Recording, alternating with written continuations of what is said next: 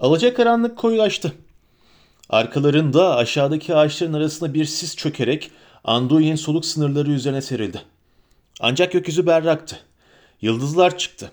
Yükselmekte olan ay batıya doğru ilerliyordu. Kayaların gölgeleri simsiyahtı. Kayalık tepelerin eteklerine varmışlardı. Hızları azalmıştı. Çünkü izleri takip etmek artık kolay olmuyordu.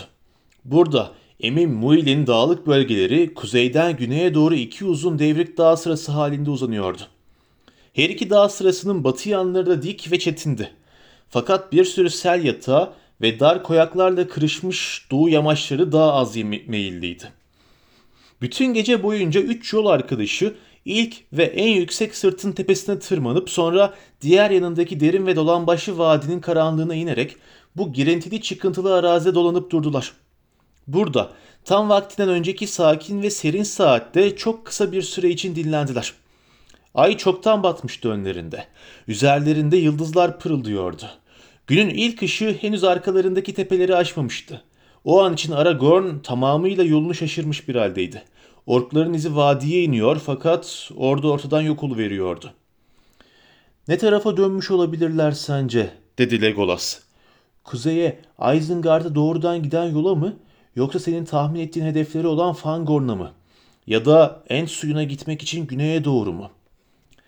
Nehre yönelmezler. Hedefleri ne olursa olsun dedi Aragorn. Ve eğer henüz Rohan'da işler çığırından çıkmadıysa ve Saruman'ın gücü de çok fazla artmadıysa orklar Rohirrim alanlarından buldukları en kısa yolu seçeceklerdir. Biz kuzeyi araştıralım. Vadi sıra sıra tepelerin arasında taşlık bir çukur gibi uzanıyordu. Dibinde devrilmiş kayalar arasında damla damla akan bir dere vardı. Sağ yanlarında bir uçurum hiddetle duruyor. Sollarındaysa gecenin son saatlerinde loş ve gölgeli gri yamaçlar yükseliyordu. Kuzeye doğru bir mil kadar gittiler. Aragorn toprağa eğilmiş, batıdaki tepeye doğru yükselen kıvrımları ve suların açmış olduğu yatakları araştırıyordu. Legolas biraz öndeydi. Aniden bir çığlık attı elf ve diğerleri koşarak ona doğru ilerlediler. Avladıklarımızdan bazılarını geçmişiz bile dedi Legolas. Bakın işaret etti. Onlar da daha önce yamacın eteğine yuvarlanmış kayalar sandıkları şeylerin birbiri üzerine yığılmış bedenleri olduğunu gördüler. Beş ölü ork yatıyordu orada. Bir sürü acımasız darbeyle biçilmişlerdi. İkisinin de kelleleri uçmuştu. Toprak onların kara kanlarıyla ıslanmıştı. Al bir bilmece daha dedi Gimli. Fakat bu bilmeceyi çözmek için gün ışığına ihtiyacımız var. Bizse bekleyemeyiz. Yine de neresinden bakarsanız bakın bilmece çok umutsuz görünmüyor dedi Legolas. Orkların düşmanları büyük ihtimalle bizim dostlarımız olacaktır. Bu tepelerde yaşayan bir halk var mı? Hayır, dedi Aragorn. Rohirrimler nadiren gelir buraya. Üstelik burası Minas Tirith'ten de uzaktadır. Bizim bilmediğimiz nedenlerle bir grup insan burada avlanıyor olabilir. Yine de böyle olduğunu zannetmiyorum. Sence ne? diye sordu Gimli. Bence düşman kendi düşmanının yanında getirmiş diye cevap verdi Aragorn. Bunlar uzaklardan gelen kuzeyli orklar. Katledilmiş olanların arasında o garip nişanlı iri orklardan hiç yok. Sanırım bir tartışma olmuş. Bu işe yaramaz halk arasında pek olağan dışı bir şey değildir bu. Belki de yol hakkında bir münakaşa olmuştur. Ya, ya da tutsaklar hakkında dedi Gimli. Umarım onlar da burada sonlarını bulmamışlardır. Aragorn geniş bir daire içindeki zemini inceledi fakat kavgayla ilgili başka bir hıza rastlamadı. Yollarına devam ettiler. Daha şimdiden doğu tarafındaki gök soluklaşmaya başlamıştı. Yıldızlar soluyor, gri bir ışık yavaş yavaş büyüyordu. Kuzeyde biraz ileride cılız bir derenin döküle döküle, kıvrıla kıvrıla vadide taşlık bir yol açmış olduğu bir kıvrıma geldiler. Bu kıvrımın içinde biraz çalı yetişmişti ve her iki yanında çimenlik bazı yerler vardı. Nihayet dedi Aragorn. İşte aradığımız izler. Bu su kanalından yukarı. Tartışmadan sonra orkların gittikleri yol bu. Takipçiler dönerek yeni yollarında hızlı ilerlediler. Sanki gece dinlenip dinçleşmişler gibi taştan taşa sıçrıyorlardı. Sonunda gri tepenin zirvesine vardılar. Ani bir esinti saçların arasından esip pelerinlerini kıpırdattı. Serin seher yedi. Arkalarını dönünce nehrin üzerinden uzaktaki tepelerin tutuştuğunu gördüler. Gün gökyüzüne sıçradı. Güneşin al kan- kenarları karanlık toprağın omuzları üzerinden yükseldi. Önlerinde batıda biçimsiz ve kurşuni dünya kıpırtısız uzanıyordu. Fakat daha onlar bakarken gecenin gölgeleri eridi ve uyanan toprağın renkleri geri döndü. Yeşil, Roha'nın engin çayırlarına aktı. Suların aktığı vadilerde beyaz bir sis titreşti. Sollarında, uzaklardaysa en az 30 fersa uzakta tepeleri günün doğuşuyla kızaran karlara bulanmış, dimdik zirvelerle yükselen ak dağlar duruyordu. Mavi ve mor. Gondor! Gondor! diye haykırdı Aragorn. Umarım daha mutlu bir saatte bakarım yine sana. Henüz yolum güneye, senin parlak derelerine uzanmıyor. Gondor! Gondor dağlarla denizin orta yerinde. Eserdi batı yeli. Dururdu ışık gümüş ağacın üzerinde. Ve parlak bir yağmur gibi dökülürdü eski kralların bahçelerine. Ey mağrur surlar, ak kuleler, ey kanatlı taç, altın taht bir de. Ey Gondor, Gondor, insanlar gümüş ağacı görecek mi bir daha? Esecek mi batı yeli yeniden, dağlarla denizin arasında? Haydi, gidelim artık, dedi. Gözlerini güneyden ayırıp gitmesi gereken yöne, batıya ve kuzeye çevirerek. Yolcuların durduğu sırt ayaklarının dibinden dik bir şekilde alçalıyordu.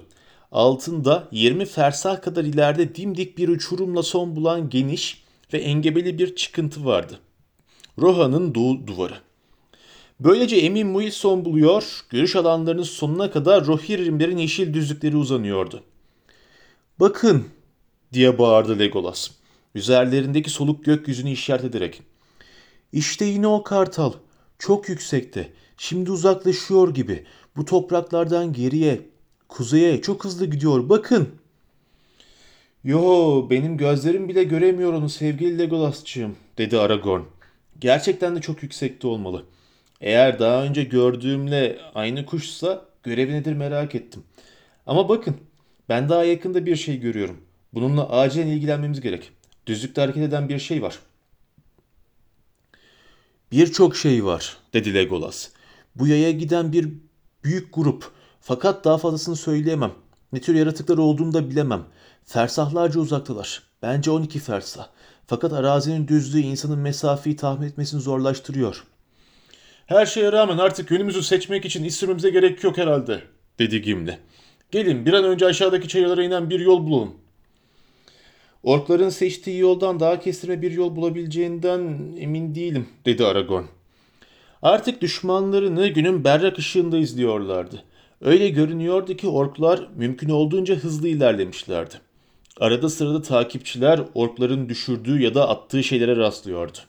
Yiyecek torbaları, sert, gri ekmek kırıntıları ve kabukları, yırtılmış siyah bir pelerin, taşlarda parçalanmış ağır, demir kabaralı bir ayakkabı, İzler onları dik kayaların tepesi boyunca kuzeye yönlendirdi ve zamanla şarıltıyla aşağı doğru akan bir derenin kayanın içine oyduğu derin bir yarığa vardılar.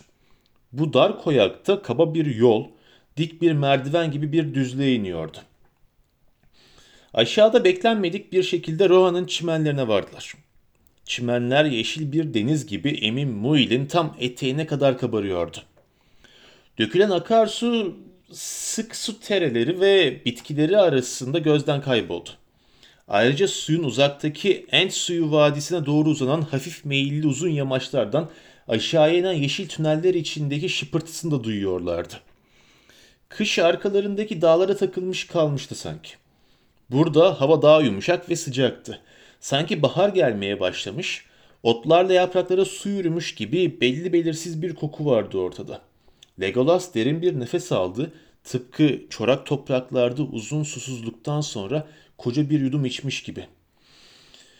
Ah, yeşil koku, dedi. Uzun bir uykudan da iyi bu. Hadi, koşalım. Hafif ayaklar burada hızlı koşabilir, dedi Aragorn. Belki de demir papuçlu orklardan çok daha hızlı. Şimdi onlara verdiğimiz avantajı kapatma şansımız var işte.'' Tek sıra halinde gidiyorlardı. Gözlerinde sabırsız bir ışıkla kesif bir koku almış av köpekleri gibi koşuyorlardı. Hemen hemen tam batılarında yürüyüş halindeki ork yanı kendilerine çirkin, dar ve uzun bir yol açıyordu. Roha'nın güzel çimenleri onlar geçtikçe zedelenip kararıyordu. Tam bu anda Aragorn bir çığlık atarak yan tarafa döndü. Durun diye bağırdı. Henüz beni takip etmeyin. Çabucak ana yoldan ayrılarak sağa doğru koştu. Çünkü o yana giden diğerlerinden ayrılan ayak izleri minik ayakkabısız ayakların izlerini görmüştü. Ancak bunlar pek ileriye gidemeden yine ana yoldan onlardan önce veya sonra ayrılan ork izleriyle kesilmiş ve tekrar kesin bir kavis çizerek diğer ayak izlerine karışmışlardı. En uzak noktada Aragorn yere eğilerek otların üzerinden bir şey aldı sonra koşarak geri geldi. Evet dedi. Bunlar yeterince açık. Hobbit ayak izleri. Pippin'inkiler sanırım. O diğerinden daha küçük. Ve şuna bir bakın. Güneşte parıldayan bir şey kaldırdı elinde. Yeni açmış bir kayın ağacı yaprağına benziyordu. Zarif ve bu ağaçsız düzlükte tuhaf bir şeydi bu. Elf pelerinlerinin broşu diye bağırdılar Legolas'la Gimli birlikte. Boşu boşuna düşmez Lori'nin yaprakları dedi Aragorn. Bu şans eseri düşmemiş. İzleyen biri olursa bir işaret olsun diye atılmış. Pippin sırf bu amaçla yoldan ayrılmış sanırım. O halde en azından o hayattaymış dedi Gimli. Ve aklını kullanmış. Bacaklarını da tabii.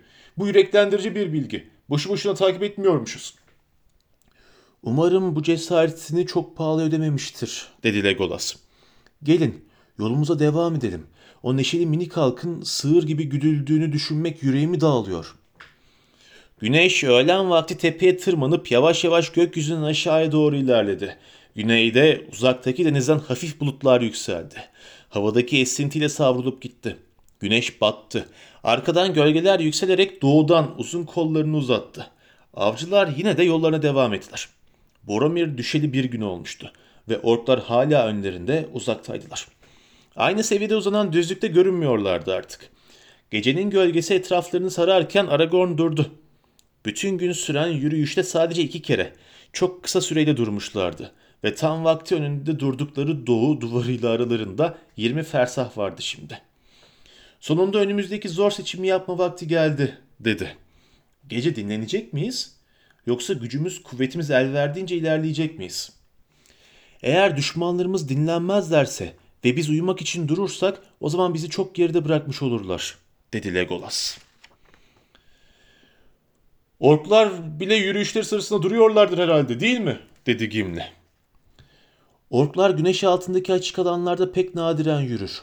Ama yine de bunlar yürüyor, dedi Legolas. Belli ki gece de dinlenmeyecekler. Eğer gece yürürsek izlerini takip edemeyiz, dedi Gimli. Yol dümdüz. Ne sağa ne sola sapıyor görebildiğim kadarıyla, dedi Legolas. Belki karanlıkta size el yordamıyla rehberlik eder, düz bir çizgide götürebilirim, dedi Aragorn. Ama eğer yoldan çıkarsak veya yana saparsak o zaman güneş doğduğunda tekrar izleri buluncaya kadar çok oyalanmış oluruz. Ayrıca şu da var, dedi Gimli. Sadece gündüz vakti yoldan ayrılan izler olup olmadığını görebiliriz. Eğer bir tutsak kaçarsa ya da içlerinden biri başka birine, diyelim doğuya, Ulu Nehre, Mordor'a götürecek olursa bu izleri görmeden geçip hiç fark etmeden gidebi- gidebiliriz.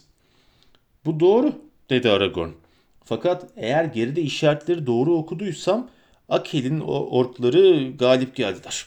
Şimdi bütün grup Isengard'a doğru gidiyor. Şu andaki güzergahları beni haklı çıkarıyor.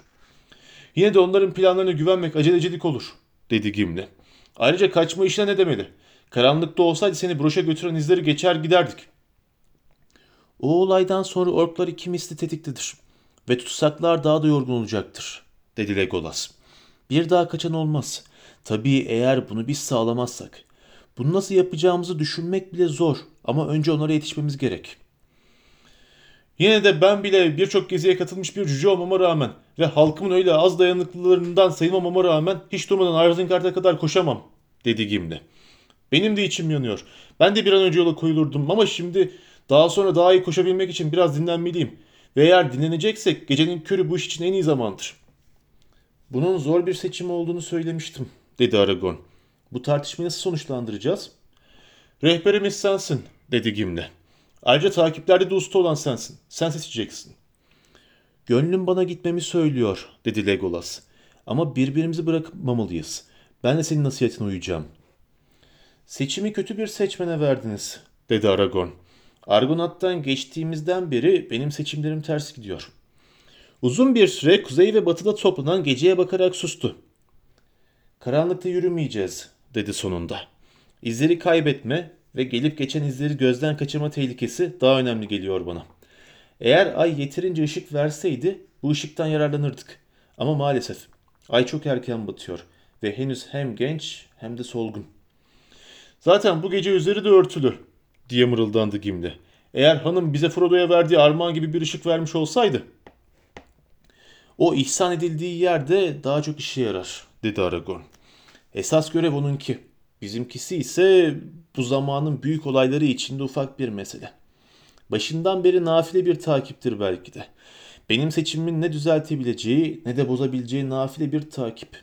Eğer seçimimi yaptım sam ben bu şekilde devam edeceğiz. O yüzden zamanı elimizden geldiğince iyi kullanalım. Aragorn kendini yere atarak hemen uykuya daldı. Çünkü Tol Brandir'in gölgesinde geçirdiği o geceden beri hiç uyumamıştı. Şafak sökmeden uyanıp kalktı. Gimli hala derin uykudaydı ama Legolas ayakta. Rüzgarsız bir gecedeki genç bir ağaç gibi düşünceli ve sessiz kuzeydeki karanlığa doğru bakıyordu. Çok, çok uzaktalar dedi üzüntüyle Aragorn'a dönerek. Bu gece dinlenmediklerini söylüyor gönlüm bana. Artık sadece bir kartal yakalayabilir onları. Ne olursa olsun biz yine de izleyebildiğimiz kadar izleyeceğiz dedi Aragorn. Eğilerek cüceyi uyandırdı. Hadi gitmemiz lazım dedi. İş soğuyor. Fakat hala karanlık dedi Gimli. Legolas tepede durup baksa bile onları güneş yükselmeden göremez. Korkarım ister tepeden olsun, ister düzlükten, ister güneş altında, ister ay. Artık benim görüş sahamdan çıktılar, dedi Legolas. Görüş işe yaramadığında toprak bize bilgi verebilir, dedi Aragorn. Toprak onların nefret dolu ayakları altında inlemiş olmalı. Kulağını çimene de yapıştırarak yere uzandı. Orada kıpırdamadan o kadar uzun bir süre yattı ki Gimli onun uyuyakalıp kalmadığını veya baygınlık geçirip geçirmediğini merak etmeye başladı. Şafak vakti pırıltısıyla geldi ve kurşuni bir ışık çoğaldı etraflarında. Sonunda Aragorn ayağa kalktı. Artık arkadaşları yüzünü görebiliyorlardı. Solgun ve bitkindi. Bakışları da tedirgindi. Toprağın söylentisi belirsiz ve karışık dedi. Millerce etrafımızda toprak üzerinde hiçbir şey yürümüyor. Düşmanlarımızın ayakları belirsiz ve uzakta. Fakat atların ayak sesleri çok yüksek. Tam uyumak için yere uzandığımda onları duymuş olduğum geliyor hatırıma. Rüyalarıma girmişlerdi. Dört nala giden atlar. Batıya giden atlar.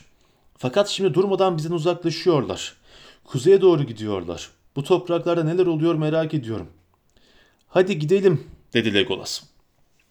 Böylece takiplerin üçüncü günü başladı. Günün bulutlar ve arada bir görünen güneşle dolu uzun saatleri boyunca kah hızlı hızlı yürüdüler, kah koştular. Ama sanki içlerine yanan ateşi hiçbir yorgunluk söndüremezmiş gibi hemen hemen hiç durmadılar. Nadiren konuştular. Engin sessizliğin üzerinden geçtiler ve elf pelerinleri geri plandaki gri yeşil çayırların önünde soluklaştı. Gün ortasında serin güneş ışığında bile onlar iyice yaklaşmadan elf gözlerine sahip olmayan çok az kişi görebilirdi onları. Sık sık gönüllerinden lembası onlara armağan olarak verdiği için Lorien hanımına şükrediyorlardı. Çünkü koşarken bile bu yiyecekten yiyerek güçlerini tazeliyorlardı. Bütün bir gün boyunca düşmanların izi bir mola vermeden, bir yana dönmeden kuzey batıya doğru dümdüz ilerledi.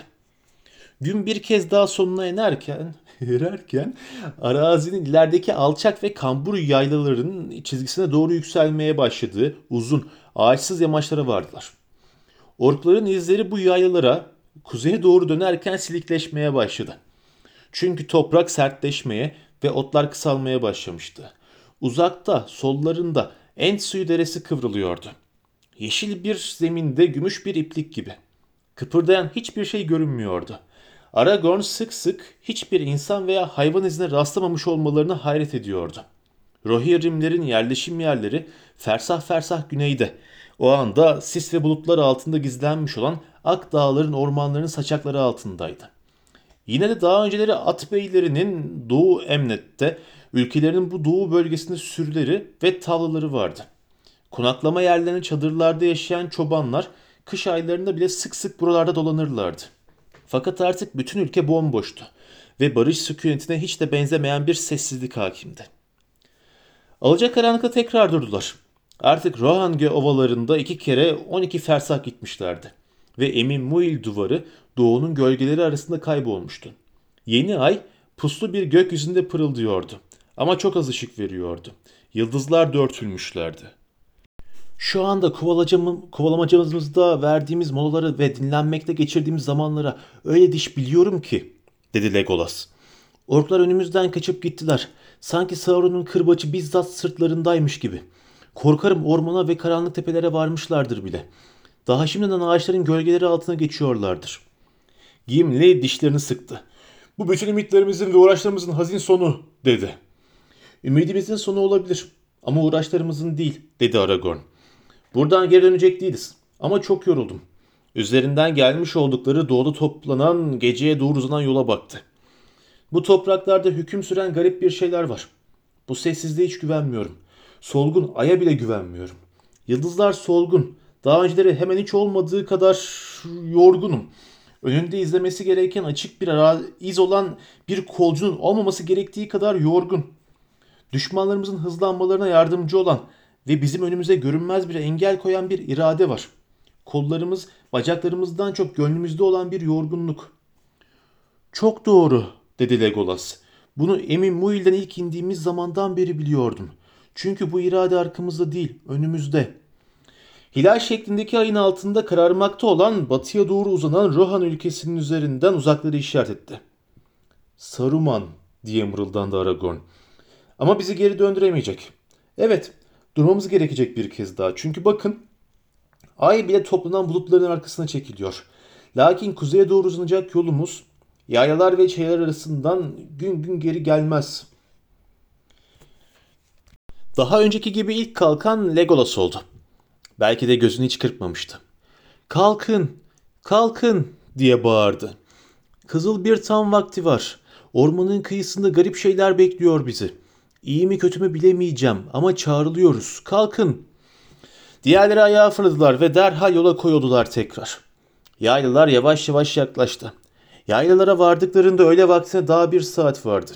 Kuzey yönünde düz bir çizgi halinde uzanan çıplak sırtlara doğru yükselen yeşil yamaçlara, eteklerinde toprak kuru çimenler kısaydı. Ama onlarla kamış ve saz çalılıkları için dolanan derin nehir arasında 10 mil kadar eninde çökmüş uzun bir toprak şerit vardı. En güneydeki yamacın tam batısında bir sürü ağır ayak tarafından ezilmiş ve yolunmuş halka şeklinde geniş bir alan bulunuyordu. Buradan ork izleri tepelerin kuru eteklerinden kuzeye doğru dönerek devam ediyordu. Aragorn durarak izleri dikkatlice izledi. Burada bir süre dinlenmişler dedi. Ama dışarı doğru giden izler bile şimdiden eskimiş sayılır. Korkarım yüreğin sana doğruyu söylemiş Legolas. Orkların şu anda bizim durduğumuz yerde durmalarından bu yana tam 3 kere 12 saat geçmiş. Eğer hızlarını korudularsa dün akşam gün batımında Fangorn'un sınırlarına varmışlardır. Kuzeye ve batıya doğru bakınca yavaş yavaş sis içinde kaybolan otlardan başka bir şey görmüyorum, dedi Gimli. Tepelere tırmanacak olsak ormanı görür müydük? Hala çok uzakta, dedi Aragorn. Eğer doğru hatırlıyorsam bu yaylalar kuzeye doğru en az 8 fersah uzanırlar. Sonra da kuzeybatıda en suyunun yayıldığı yerde açık bir arazi vardır. Bu da bir 15 fersah tutabilir. Evet, yolumuza devam edelim, dedi Gimli. Bacaklarım mesafeleri unutmalı. Eğer gönlüm daha hafif olsaydı onlar da daha istekli olurdu. Sonunda yaylaların çizgisinin sonuna doğru yaklaştıklarında güneş kavuşmaya başlamıştı. Saatler boyunca hiç mola vermeden gitmişlerdi. Şimdi yavaş yavaş ilerliyorlardı. Gimli'nin sırtı da iki büklüm olmuştu. Çalışırken ve yolculuk yaparken taş gibi sert olur cüceler. Fakat cücenin gönlündeki bütün umut sönünce sonu gelmeyen bu yarış üzerindeki etkisini göstermeye başlamıştı. Yerdeki bir izi veya işareti araştırmak için arada bir eğilen Aragorn onun arkasından yürüyordu sessiz ve suratsız. Sadece Legolas her zamanki gibi kuş misali hafif adımlarla yürüyor. Ayakları sanki yerdeki otlara ancak değiyor. Geçerken hiçbir ayak izi bırakmıyordu. Elflerin verdiği yollukta ihtiyacı olan bütün gıdayı bulabiliyorlardı ve bu dünyanın ışığında gözleri açık yürürken bile zihnini elfçe rüyaların garip yollarını dinlendirerek uyuyabilirdi. Eğer insanlar buna uyku derlerse tabii. Gelin bu yeşil tepeye tırmanalım dedi Legolas. Sonunda tepeye varıncaya kadar yorgun argın onu izleyerek uzun yamacı tırmandılar. Düzgün, çıplak yaylaların en kuzey ucunda tek başına duran yuvarlak bir tepeydi bu. Güneş kavuşunca akşamın gölgeleri perde gibi indi. Ucu bucağı olmayan kurşuni renkli şekilsiz bir dünyada yapayalnızdılar. Sadece kuzeybatıda, uzakta, ölmekte olan ışığın gerisinde daha koyu bir karanlık vardı. Duman dağlarıyla eteklerindeki orman. Buradan bize kılavuzluk edecek hiçbir şey göremeyiz, dedi Gimli. Evet, şimdi yeniden mola verip geceyi geçirmeliyiz. Hava soğumaya başladı. Rüzgar kuzeydeki karlardan esiyor, dedi Aragorn. Ve sabah olmadan doğuya dönecek, dedi Legolas. Ama dinlenin, eğer dinlenmeniz gerekiyorsa. Yine de bütün umudunuzu yitirmeyin. Yarının ne getireceği bilinmez. Güneşin doğuşu genellikle bir şeyler nasihat eder. Koşturmamız boyunca güneş tam üç kez doğdu ve bize hiç akıl vermedi, dedi Gimli. Gece gitgide daha da soğudu. Aragorn'la Gimli kesik kesik uyudular. Ne zaman uyansalar Legolas'ın başlarına dikildiğini ya da kendi dilinde usul usul bir şarkı mırıldanarak bir ileri bir geri yürüdüğünü gördüler. O şarkı söylerken yukarıdaki koyu siyah semada beyaz yıldızlar açıyordu. Böylece geçti gece. Sonunda güneş doğuncaya kadar seyrin yavaş yavaş artık çıplak ve bulutsuz olan gökyüzünde olgunlaşmasını birlikte seyrettiler. Güneş solgun ve berraktı. Rüzgar doğuya dönmüştü ve bütün sisler yuvarlanıp gitmişti. Engin topraklar acı ışık altında çırılçıplak duruyordu. Önlerinde doğu tarafında günlerce önce Ulu Nehir'den gözlerine ilişmiş olan Rohan Bozkırı'nın rüzgarlı tepelerini gördüler. Kuzey-batı yönünde Kara Fangorn ormanı azametle yaklaşıyordu. Hala on fersa uzaktaydı gölgeli saçakları ve ormanın dış yamaçları derin bir maviye doğru soluyordu. Buranın gerisinde çok uzakta adeta gri bulutlar üzerinde yüzer gibi dumanlı dağların son zirvesi olan Medhedras'ın beyaz başı ışıldıyordu. En suyu ormandan çıkıp onları karşılarcasına akıyordu.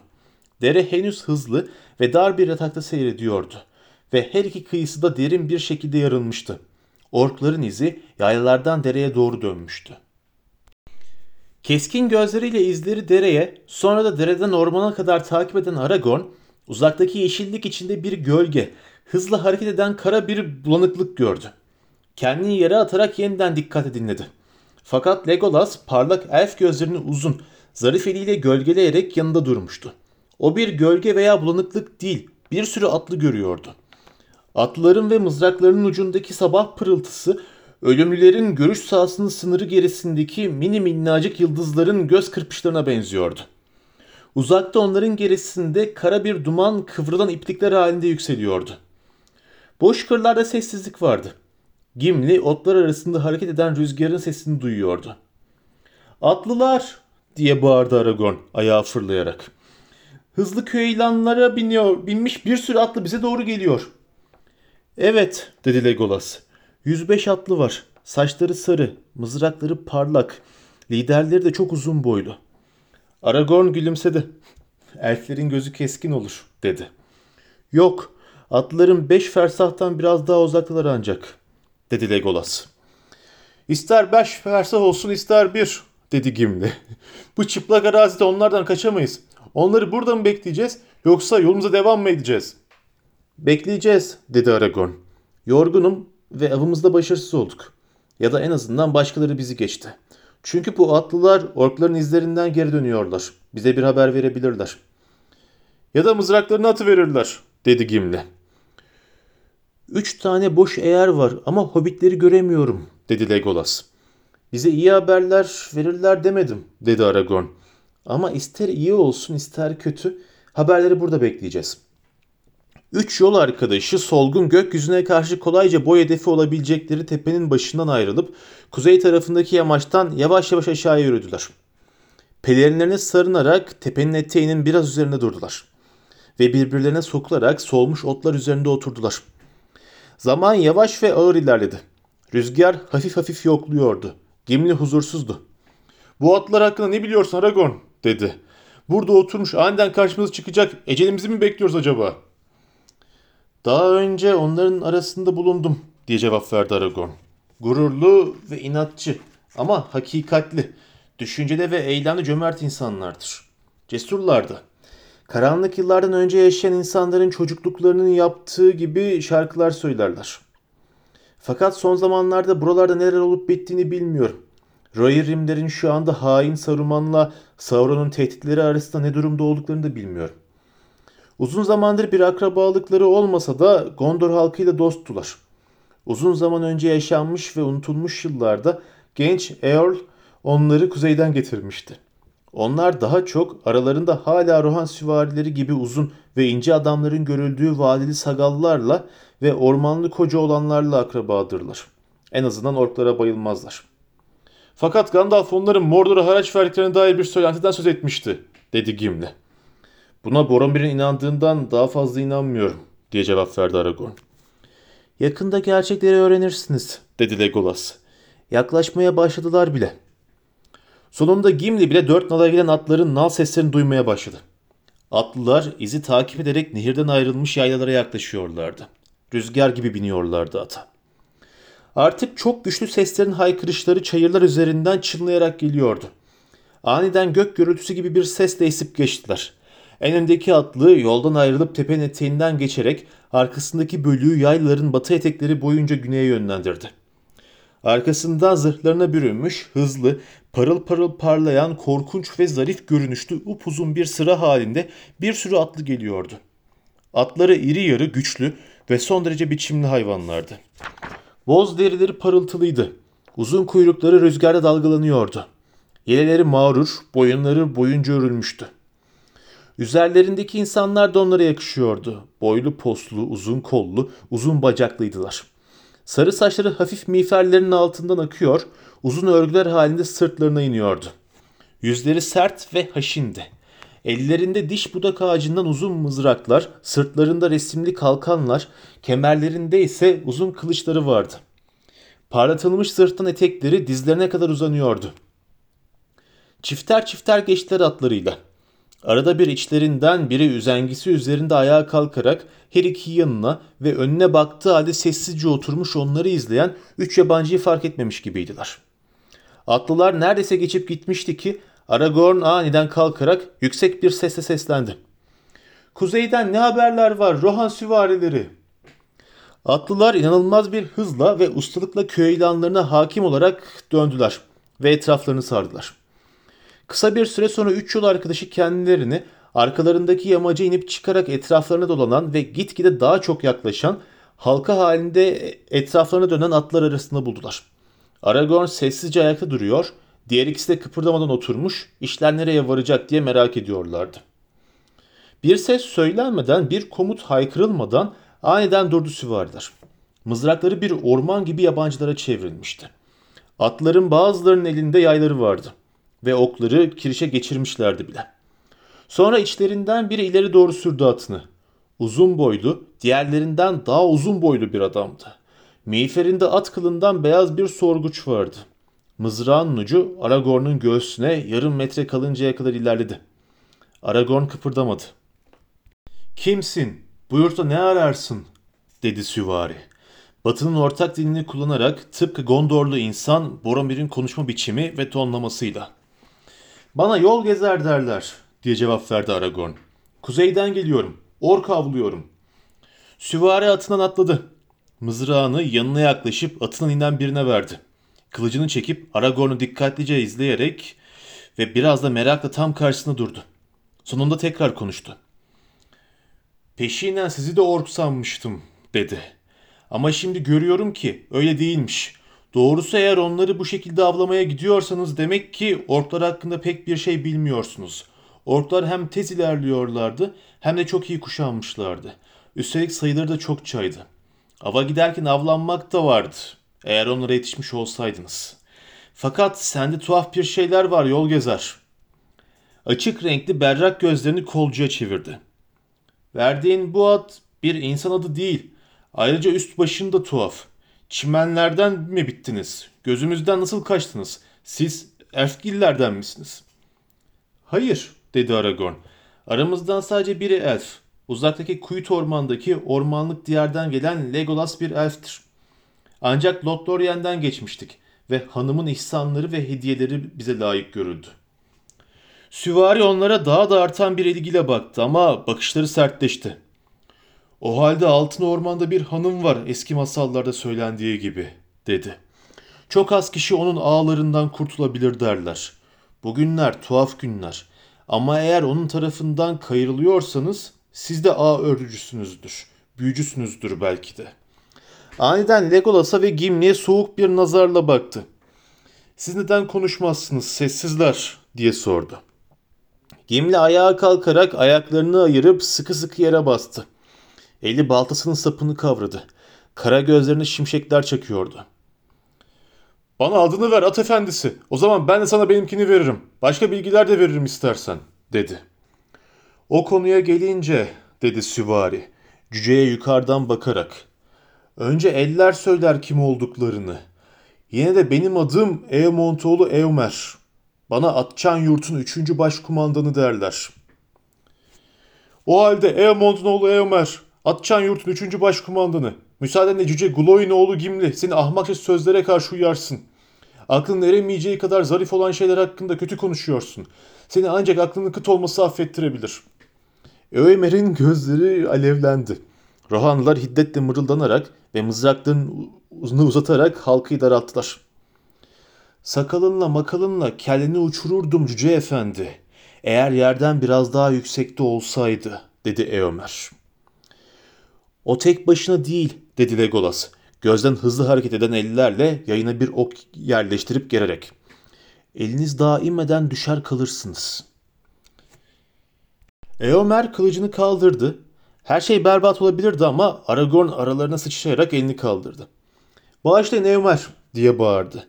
Bilginiz arttığında yol arkadaşlarımı neden bu kadar çok kızdırdığınızı anlayacaksınız. Rohan'a karşı hiçbir kötü niyetimiz yok. Halkına karşı da yok. Ne insanlarınıza ne de atlarınıza. Vurmadan önce hikayemizi dinlemek istemez misiniz?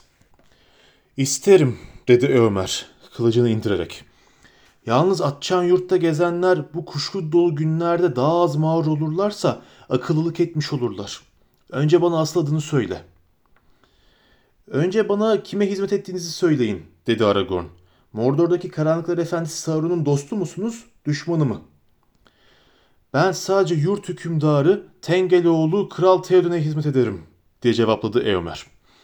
Biz uzaktaki kara ülkenin gücüne hizmet etmeyiz. Ama daha onunla açık bir cenge de tutuşmuş değiliz. Eğer siz ondan kaçıyorsanız bu toprakları terk etseniz iyi olur. Artık bütün sınırlarımızda huzursuzluk var. Tehdit altındayız. Ama bizim tek amacımız hür olmak. Daha önce yaşamış olduğumuz gibi yaşamak. İster iyi ister kötü olsun. El hükümdarlarına hizmet etmemek. Daha iyi günlerde konukları içtenlikle karşılardık. Fakat bugünlerde beklenmedik konuklarımız bizi tez ve sert buluyor. Hadi söyleyin, kimsiniz? Kime hizmet edersiniz? Bizim yurdumuzda kimin buyruğuyla ork avlarsınız? Ben hiçbir insana hizmet etmem, dedi Aragorn. Lakin Sauron'un hizmetkarlarını hangi topraklara giderlerse gitsinler izlerim. Ölümlü insanlar arasında orkları benim kadar tanıyan az kişi vardır. Onları bu şekilde avlıyor olmamın nedeni mecburiyettir. Takip ettiğimiz orklar arkadaşlarımızın ikisini tutsak ettiler. Böyle bir durumda atı olmayan adam yaya gider ve izleri takip etmek için izin almaya çalışmaz. Düşmanın kaç başı olduğunu da saymaya kalkmaz. Kılıcıyla sayarsa o başka. Silahsız değilim. Aragorn pelerini geri itti. Kılıcını kavrarken Elfkin'i pırıldadı. Ve kınından çekince Anduril'in keskin, yanı ani bir alev gibi parladı. Elendil diye haykırdı Aragorn. Ben Arator'un oğlu Aragorn. Bana Gondorlu Elendil'in oğlu Isildur'un varisi Dunadan ve Elf taşı Elessar derler. İşte kırılan ve yeniden dövülen kılıç. Bana yardım mı edeceksiniz, engel mi olacaksınız? Çabuk seçin. Gimli ile Legolas yol arkadaşlarına hayretle baktılar çünkü onu daha önce böyle bir ruh halinde görmemişlerdi. Sanki onun boyu posu büyümüştü de Oemar küçülmüştü. Canlı yüzüne taştan kral heykellerinde gördükleri gücün ve heybetin kısa bir zuhurunu yakalamışlardı. Bir an için Aragorn'un alnında parlayan taç misali beyaz bir alev oynaşıyor gibi göründü Legolas'ın gözlerine. Eomer geriledi. Yüzünde huşu içinde bir bakış vardı. Mağrur gözlerini yere indirdi. Bu günler gerçekten de tuhaf günler diye mırıldandı. Düşler ve efsaneler otların arasından bitiyor gibi. Söyle bana bey dedi. Sizi buraya ne getirdi? Ve o kara sözlerin anlamı neydi? Denethor oğlu Boromir bir yanıt getirmeye gideli çok oldu. Ona ödünç verdiğimiz atlar birincisiz geri geldi. Kuzeyden ne gibi yazgılar getirirsiniz? Seçme yazgısı dedi Aragorn. Şöyle söyleyebilirsiniz Tengelioğlu Theoden'e. Önünde bir savaş var. Ya Sauron'la birlikte ya Sauron'a karşı. Artık kimse daha önce yaşadığı gibi yaşayamayacak. Ve çok az kimse benim dediği şeye sahip olmaya devam edecek. Lakin bu büyük meseleleri daha sonra konuşuruz. Eğer şansımız yaver giderse ben kendim krala gideceğim. Şu anda çok sıkışık durumdayım ve yardım istiyorum. Eğer en azından haber istiyorum. Arkadaşlarımızı kaçıran bir ork ordusu izlediğimizi duydunuz. Bize neler söyleyebilirsiniz? Artık onları izlemeniz gerekmediğini, dedi Eomer. Orklar yok edildi. Ya arkadaşlarımız? Orklardan başkasını bulamadık. Fakat bu gerçekten çok tuhaf, dedi Aragorn. Öldürdüklerinize iyice baktınız mı? Orklardan başka ceset yok muydu? Küçük yaratıklardı. Size çocuk gibi görünmüş olabilirler. Ayakkabısızdılar ve grilere bürünmüştüler. Ne cüce vardı ne çocuk dedi Eomer. Bütün öldürdüklerimizi saydık. Ganimetlerimizi aldık. Sonra leşleri üst üste yiyip yaktık. Adetimiz gereğince. Külleri hala tütmekte. Biz cücelerden veya çocuklardan söz etmiyoruz dedi Gimli. Bizim arkadaşlarımız Hobbit'ti. Hobbit mi? dedi Eomer. O da ne ola ki? Tuhaf bir at. Tuhaf bir halka ait tuhaf bir isim dedi Gimli. Fakat bunlar bizim için çok kıymetli. Görünüşe göre sizler Minas Tirith'i huzursuz eden sözleri duymuşsunuz. O kehanetli buçukluklardan söz edilir. Bu hobbitler buçukluklar işte. Buçukluklar diye güldü Eomer'in yanındaki süvari.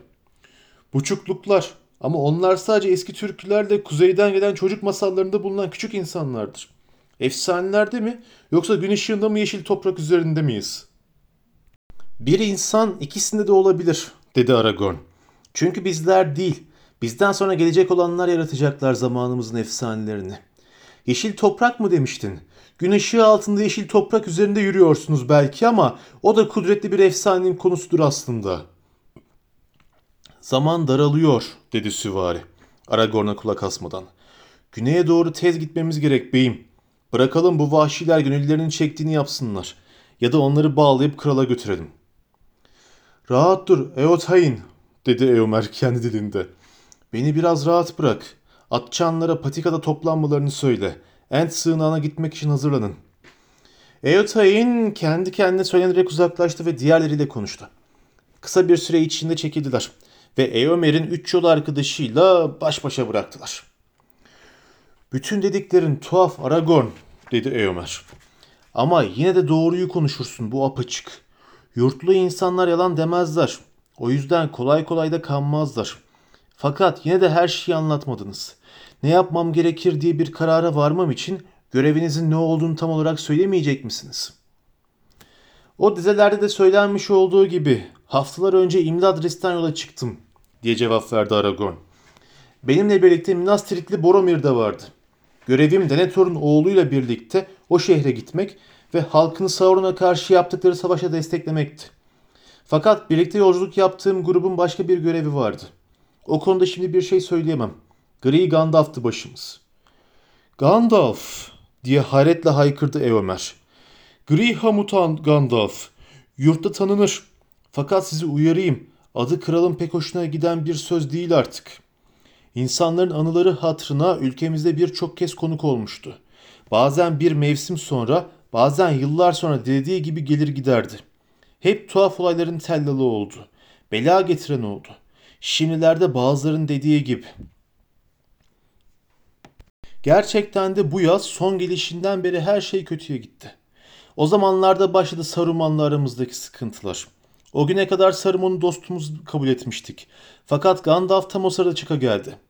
Isengard ani bir cenge hazırlanıyor gibi bizi uyardı. Kendisinin de Ortank'ta mahkum olduğunu, zor kaçabildiğini söyledi. Yardım edelim diye yalvardı. Fakat Theoden onu dinlemedi. O da gitti. Sakın Theoden'in kulaklarına Gandalf adını yüksek sesle söylemeyin, Çok hiddetli.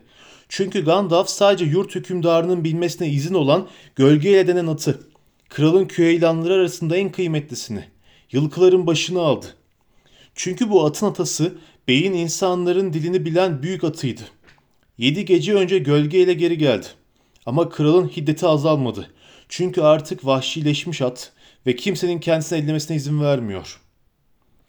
O halde gölgeyle yolunu ta kuzeyden tek başına bulmuş, dedi Aragorn. Çünkü Gandalf'la ayrıldıkları yer orasıydı. Lakin heyhat, Gandalf artık ata binemeyecek. Moria madenlerinin karanlığı içine düştü ve bir daha çıkamaz artık. Bunlar ağır haberler, dedi Eomer. En azından benim için ve birçok kişi için öyle. Ancak herkes için değil.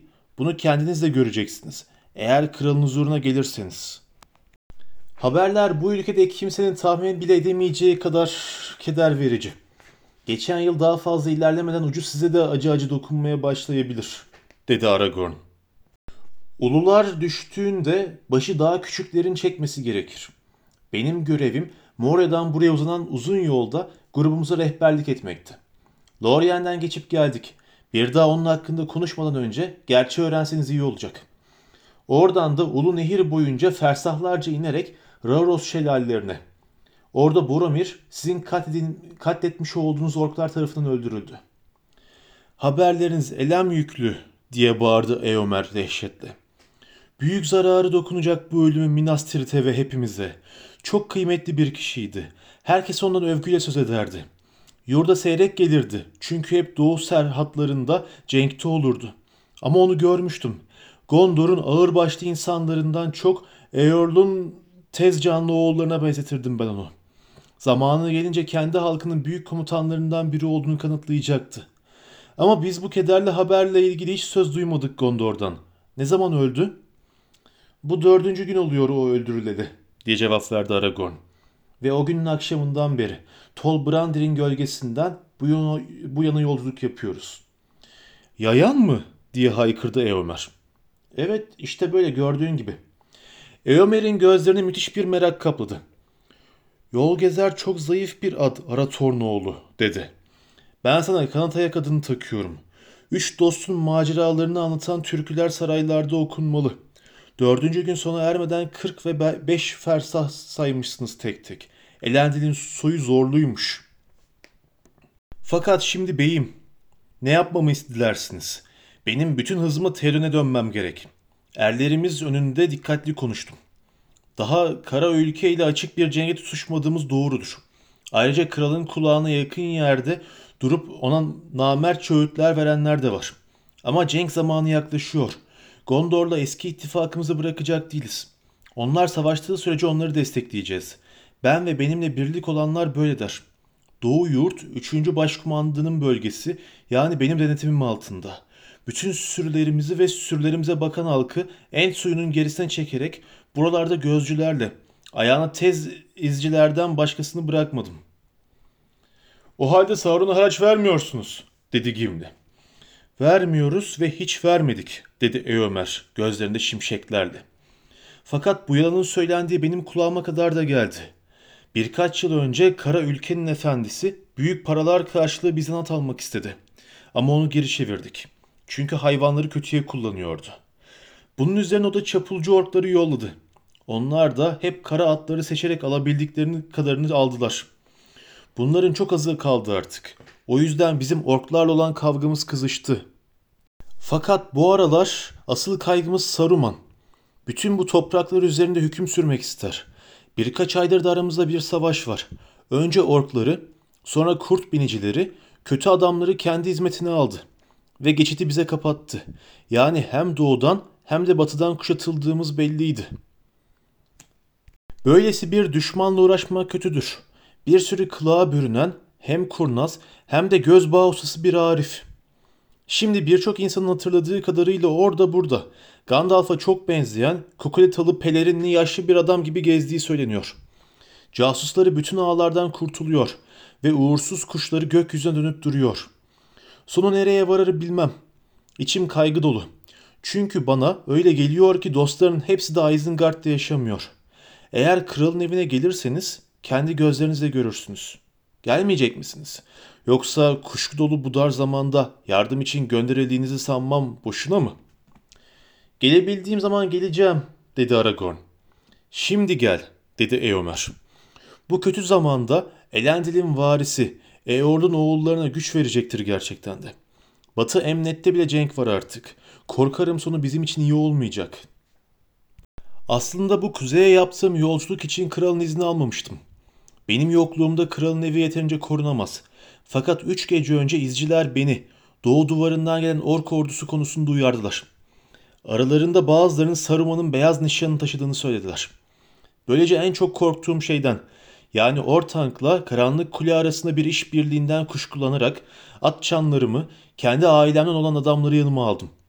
İki gün önce akşam çökerken Ent ormanının kıyısında onları yakaladık. Burada kuşattık onları ve dün şafak vakti cenk ettik. Adamlarımın 15'ini ve 20 atımı kaybettim ne yazık ki. Çünkü orklar bizim saydığımızdan fazla çıktı. Diğerleri de katıldı onlara. Ulu Nehri geçip doğudan gelen başkaları. Bu noktanın biraz kuzeyindeki izleri kolayca görünür. Sonra diğerleri de ormandan çıkıp geldi. Isengard'ın ak elini taşıyan büyük orklar. O tür diğerlerinden daha kuvvetli ve daha kötüdür. Her şeye rağmen sonlarını getirdik. Fakat çok uzun zaman oyalandık. Güneyde ve batıda bize gereksinimleri var. Gelmeyecek misiniz? Gördüğünüz gibi yedek at da var. Kılıçlara çok iş düşüyor. Evet, sonra Gimli'nin baltasıyla Legolas'ın yayına da bir iş buluruz. Eğer benim ormanın hanımıyla ilgili düşüncesiz sözlerimi hoş görülürse. Ülkemdeki herkesin konuştuğu gibi konuşmuştum. Ama bana işin doğrusunu öğretirseniz sevinirim. Hoş sözleriniz için teşekkür ederim, dedi Aragorn. Gönlüm sizinle gelmeydi diyor. Ama hala bir ümit varken arkadaşlarımı terk edemem. Ümit kalmadı, dedi Eomer. Arkadaşlarınızı kuzey sınırlarında bulamayacaksınız. Yine de dostlarım geçtiğimiz yollarda kalmadılar. Doğu duvarından pek uzakta olmayan bir yerde. En azından birisinin hayatta olduğuna dair bir işaret bulduk. Fakat duvarla yaylalar arasında bir daha izlerine rastlamadık. İster o yana olsun, ister bu yana. Yoldan ayrılan bir iz bile yoktu. Tabii iz sürmedeki hünerimi hepten kaybettiysem o başka. O halde sizce ne oldu onlara? Bilmiyorum. Onlar da orklarla birlikte öldürülmüş ve yakılmış olabilir. Ama siz böyle olmadığını söylüyorsunuz ve ben de bu konuda bir kuşku duymuyorum. Sadece dövüşten önce onların ormana götürülmüş olabileceklerini düşünüyorum. Hatta belki siz daha düşmanlarınızın etrafını çevirmeden. Ablukanızı bir şekilde delip geçen olmadığından emin misiniz? Biz gördükten sonra hiçbir orkun kaçmadığını yemin ederim, dedi Eomer. Ormanın kıyısına orklardan önce vardık.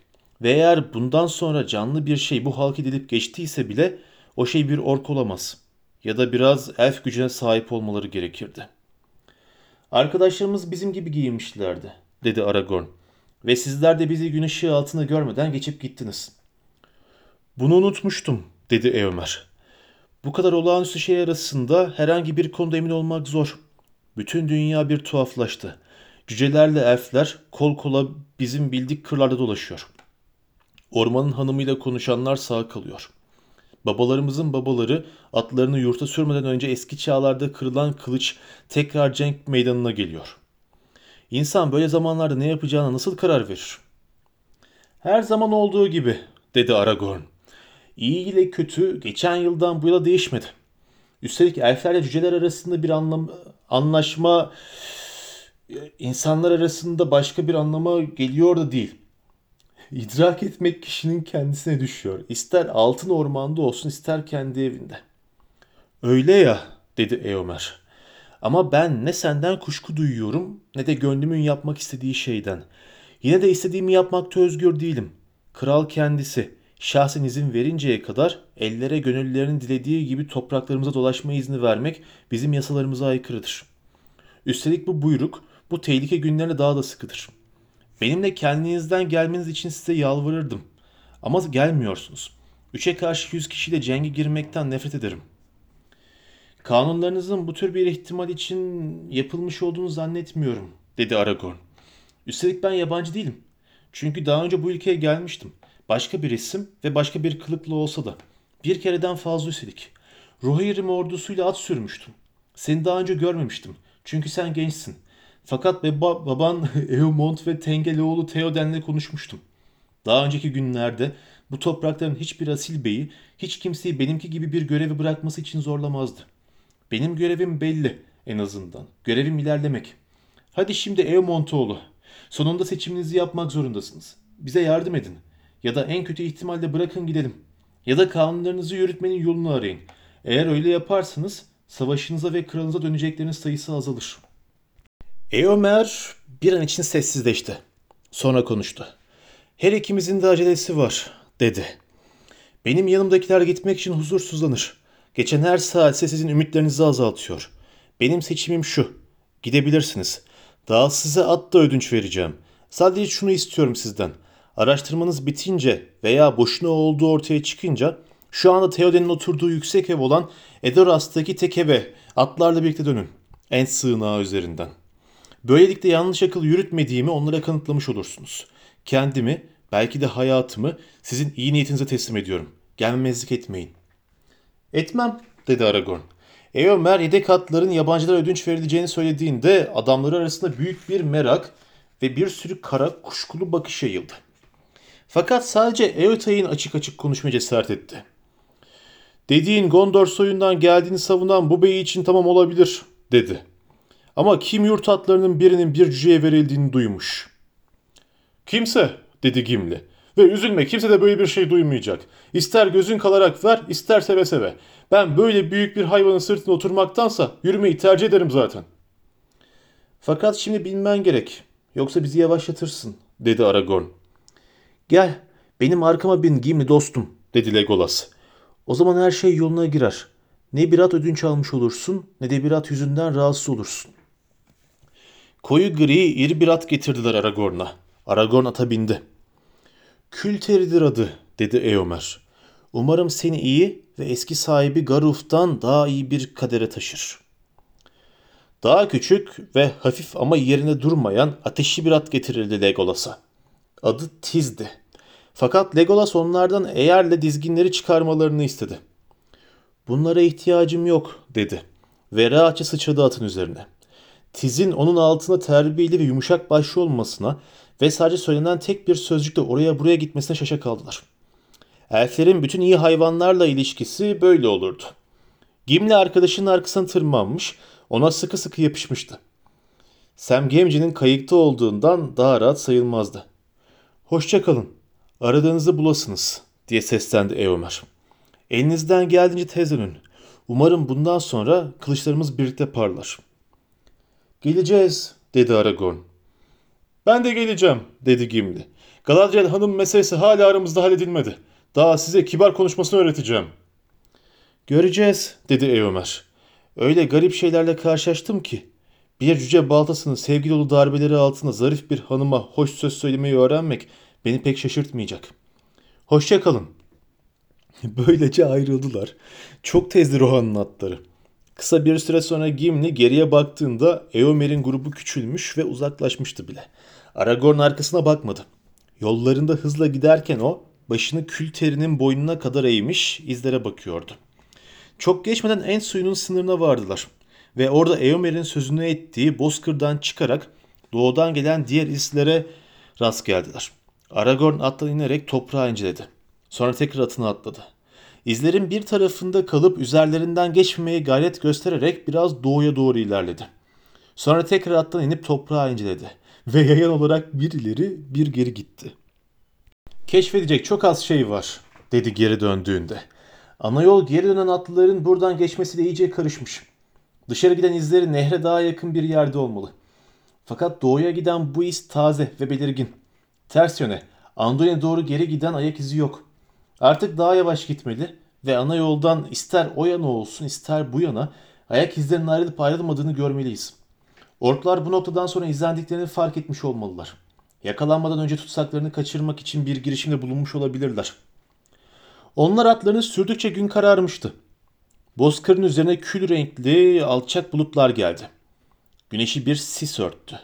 Fangorn'un ağaçlarla örtülü yamaçları giderek yakınlarında beliriyor, güneş batıya gittikçe yavaş yavaş kararıyorlardı. Sağa veya sola ayrılan bir ize rastlamadılar ama orada burada arkalarına veya boyunlarına gri tüylü oklar saplanmış, kaçarken düşmüş tek tük orka rast geldiler. Sonunda akşam ışığı solarken ormanın kıyısına vardılar ve ilk ağaçların arasındaki bir açıklıkta büyük bir ateşin kalıntılarını buldular. Küller hala sıcaktı ve tütüyordu. Küllerin yanında koca bir zırh, miğfer, yarılmış kalkan, kırılmış kılıç, yay, kargı ve başka savaş aletleri yığını vardı. Tam ortada bir kaza, koca bir gul yabani kellesi geçirilmişti. Parçalanmış miğferdeki beyaz nişan hala görülebiliyordu. Biraz ileride dereden pek uzakta olmayan derenin ormanın kenarından akıp geldiği bir yerde bir tümsek vardı. Yeni yığılmıştı. Yeni kesilmiş otlarla kaplanmış taze toprak. Bunun etrafına 15 mızrak dikilmişti. Aragorn'la yol arkadaşları savaş alanının etrafını araştırdılar. Fakat gitgide ışık soldu. Kısa bir süre sonra loş ve puslu akşam çöktü. Gece indiğinde Merry ile Pippin'e ait bir ize rastlayamamışlardı. Artık başka bir şey yapamayız, dedi Gimli üzültüyle. Tol Brandir'e geldiğimizden beri bir sürü bilmeceyle karşılaştık. Fakat en zor olanı bu. Hobbitlerin yanmış kemikleri artık orklarınkiyle karışmış diye düşünesim geliyor. Bu Frodo için çok kötü bir haber olacak. Tabii yaşayıp da bunu duyabilirse. Sonra ayrık vade bekleyen yaşlı hobbit için de öyle. Elrond onların gelmesine karşı çıkmıştı. Fakat Gandalf çıkmamıştı, dedi Legolas. Ama Gandalf kendisi de gelmeyi seçmişti. Ve ilk kaybolan da o oldu, diye cevap verdi Gimli. Kehaneti yanlış çıktı. Gandalf'ın öğütleri ister kendi için olsun ister başkaları için kimsenin güvenliğini öngörmüyordu, dedi Aragorn. Öyle işler vardır ki sonu karanlık bile olsa bu işlere başlamak yapmayı reddetmekten daha iyidir. Ama ben henüz bu yerden ayrılmayacağım. Her halükarda burada sabah ışığını beklememiz gerekecek. Savaş alanının biraz gerisinde dalları iyice yayılmış bir ağacın altında kamplarını kurdular. Ağaç bir kestane ağacına benziyordu ama yine de bir önceki yılın geniş kahverengi yapraklarından çoğu uzun yayvan parmaklı kuru eller gibi duruyordu dallarında. Bu yapraklar gece melteminde kederle hışırdıyordu. Gimli titredi. Yanlarında sadece iki kişi başına bir battaniye getirmişlerdi. Haydi bir ateş yakalım dedi. Artık tehlikeyi umursamıyorum. İsterlerse orklar bu ışığın etrafına toplanan pervaneler gibi gelsinler. Eğer o talihsiz hobbitler ormanda yollarını kaybettilerse ateşi onları bu tarafa doğru çekebilir, dedi Legolas. Başka şeyleri de bu tarafa doğru çekebilir. Ne ork ne de hobbit olan başka şeyleri, dedi Aragorn. Hain Saruman'ın daha hudutu yakınındayız. Aynı zamanda Fangorn'un tam kıyısındayız. Denildiğine göre bu ormanın ağaçlarına dokunmak çok tehlikeliymiş. Fakat Rohirrimler dün burada kocaman bir ateş yakmışlar, dedi Gimli. Ve ateş için ağaçları devirmişler görüldüğü kadarıyla. Yine de işleri bittiğinde geceyi burada emniyet içinde geçirmişler. Onlar kalabalıktı, dedi Aragorn. Ayrıca onlar Fangorn'un öfkesine kulak asmaz. Çünkü buraya çok nadiren gelirler. Ve ağaçların altına girmezler. Lakin bizim yolumuz bizi orman içine sokacağı benziyor. O yüzden dikkatli olun. Canlı hiçbir dalı kesmeyin. Kesmeye gerek yok dedi Gimli. Süvariler yeterince yonga ve dal bırakmış. Ayrıca bir sürü kuru odun var etrafta. Yakacak toplamak için ayrıldı ve ateşi yakmaya başladı. Fakat Aragorn sırtı ulu ağaca dayanmış sessizce düşünceye dalarak oturdu. Legolas tek başına açıklıkta duruyor, uzaktan gelen sesleri dinleyen biri gibi ormanın engin gölgesine bakıyordu. Cüce minik parlak bir alev tutuşturunca üç yol arkadaşı birbirlerine yaklaşıp ateşin ışığını başlıklı silüetleriyle gizleyecek biçimde oturdular. Legolas dalları üzerine ulaşan ağaca baktı başını kaldırarak. Bakın dedi. Ağaç ateşten memnun oldu. Oynaşan gölgeler gözlerini yanıltıyor olabilirdi. Ama yol arkadaşların hepsine de üstteki dallar aşağı doğru eğilirken sanki diğer dallar da o yana doğru bükülüp alevlerin üzerine doğru gelmek istiyor gibi gelmişti. Kahverengi yapraklar artık dik duruyor, sıcaklığın keyfini çıkaran bir sürü üşümüş ve çatlak el gibi birbirine sürtünüyorlardı. Etrafta sessizlik vardı. Aniden bu kadar yakınlarındaki karanlık ve bilinmezlerle dolu orman bir sürü gizli amaçlı olan düşüncelere dalmış kocaman bir varlık gibi kendisini hissettirdi. Bir süre sonra Legolas tekrar konuştu. Celeborn bizi Fangorn'un derinliklerine gitmememiz konusunda uyarmıştı, dedi. Nedenini biliyor musun Aragorn? Boromir'in duymuş olduğu ormanla ilgili kıssalar nelerdi? Gondor'da ve başka yerlerde bir sürü masal duydum, dedi Aragorn. Ama Celeborn söylememiş olsaydı bunları sadece gerçek bilgi gittikçe insanların uydurduğu kıssalar olarak görürdüm. Ben de sana bu konudaki gerçek nedir diye soracaktım. Eğer ormanlı bir elf bilmiyorsa bir insan nasıl cevap versin? Sen benden daha uzaklara gitmişsin, dedi Legolas. Bu konuda kendi ülkemde insanların ent dedikleri Onodrimlerin çok önceleri burada yaşıyor olduklarından başka hiçbir şey duymadım. Çünkü Fangorn yaşlıdır. Elflerin ömürlerine göre bile yaşlı. Evet yaşlıdır, dedi Aragorn. En az Hüyük yaylalarındaki orman kadar yaşlıdır. Ve çok daha büyüktür. Elrond bu iki ormanın akraba olduğunu söyler. Eski günlerin insanlar daha uyurken ilk doğanların gezindikleri o muazzam ormanlarının son kaleleri. Yine de Fangorn'un kendine ait bazı gizleri vardır. Bunun ne olduğunu bilmiyorum. Ben bilmek de istemiyorum, dedi Gimli. Fangorn'da yaşayan hiçbir şey benim hesabıma rahatsızlık duymasın. Nöbet için kura çektiler. İlk nöbet Gimli'ye düştü. Diğerleri uzandı. Derhal uykunun etkisi altına girdiler neredeyse. Gimli, dedi Aragorn uykulu uykulu. Unutma, Fangorn'da yaşayan bir ağaçtan dal kesmek tehlikelidir. Ama kuru dal arayayım derken de çok uzaklaşma. Bırak ateş sönsün daha iyi. Gerektiğinde bana seslen. Bunu söyleyip uykuya daldı. Legolas zaten elflerin usulünce zarif elleri göğsünde kavuşmuş, gözleri kapanmamış, yaşayan geceyle derin rüyaları birbirine katarak hareketsiz yatıyordu. Gimli baş parmağını düşünceli düşünceli baltasının kenarında bir ileri bir geri gezdirip kamburunu çıkartarak ateşin yanında oturdu. Ağaç şırdadı. Başka hiçbir ses yoktu. Aniden Gimli başını kaldırıp baktı. Tam ateş aydınlığının kıyısında bir asaya yaslanmış, koca bir pelerine sarılmış, iki büklüm olmuş yaşlı bir adam duruyordu. Geniş siperlikli şapkası gözlerinin üzerine eğilmişti. Gimli hemen Saruman'ın onları yakalamış olduğunu düşündü. Ama bir an için bağıramayacak kadar şaşkın ayağa fırladı. Onun ani hareketiyle uyanmış olan Aragorn'la Legolas da oturarak baktılar. Yaşlı adam ne konuştu ne de bir işaret yaptı. Senin için ne yapabiliriz baba? dedi Aragorn ayağa sıçrayarak. Üşüdüysen buyur gel ısın. İleri doğru koca bir adım attı ama yaşlı adam gitmişti bile. Yakınlarda adama ait bir iz bulamadılar ve fazla uzaklaşmayı da göze alamadılar. Ay batmıştı ve gece çok karanlıktı. Aniden Legolas bir çığlık attı. Atlar! Atlar! Atlar gitmişti. Kazıklarını sökerek yok olmuşlardı. Bir süre üç yol arkadaşı kötü şanslarının bu yeni darbesiyle tedirgin olarak kıpırdamadan sessizce durdu. Fangorn'un dibindeydiler. Bu sınırsız ve tehlikeli topraklarda tek dostları olan Rohanlılarla aralarında fersahlar vardı. Onlar öylece dururken gecenin içinden uzaklardan kişneyen ve sızlayan atların sesini duyar gibi oldular. Sonra rüzgarın soğuk ışırtısı dışında her şey yeniden sessizleşti.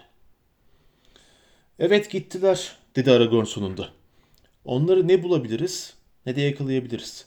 Eğer kendi rızalarıyla gelmezlerse onlarsız başımızın çaresine bakmamız gerekecek.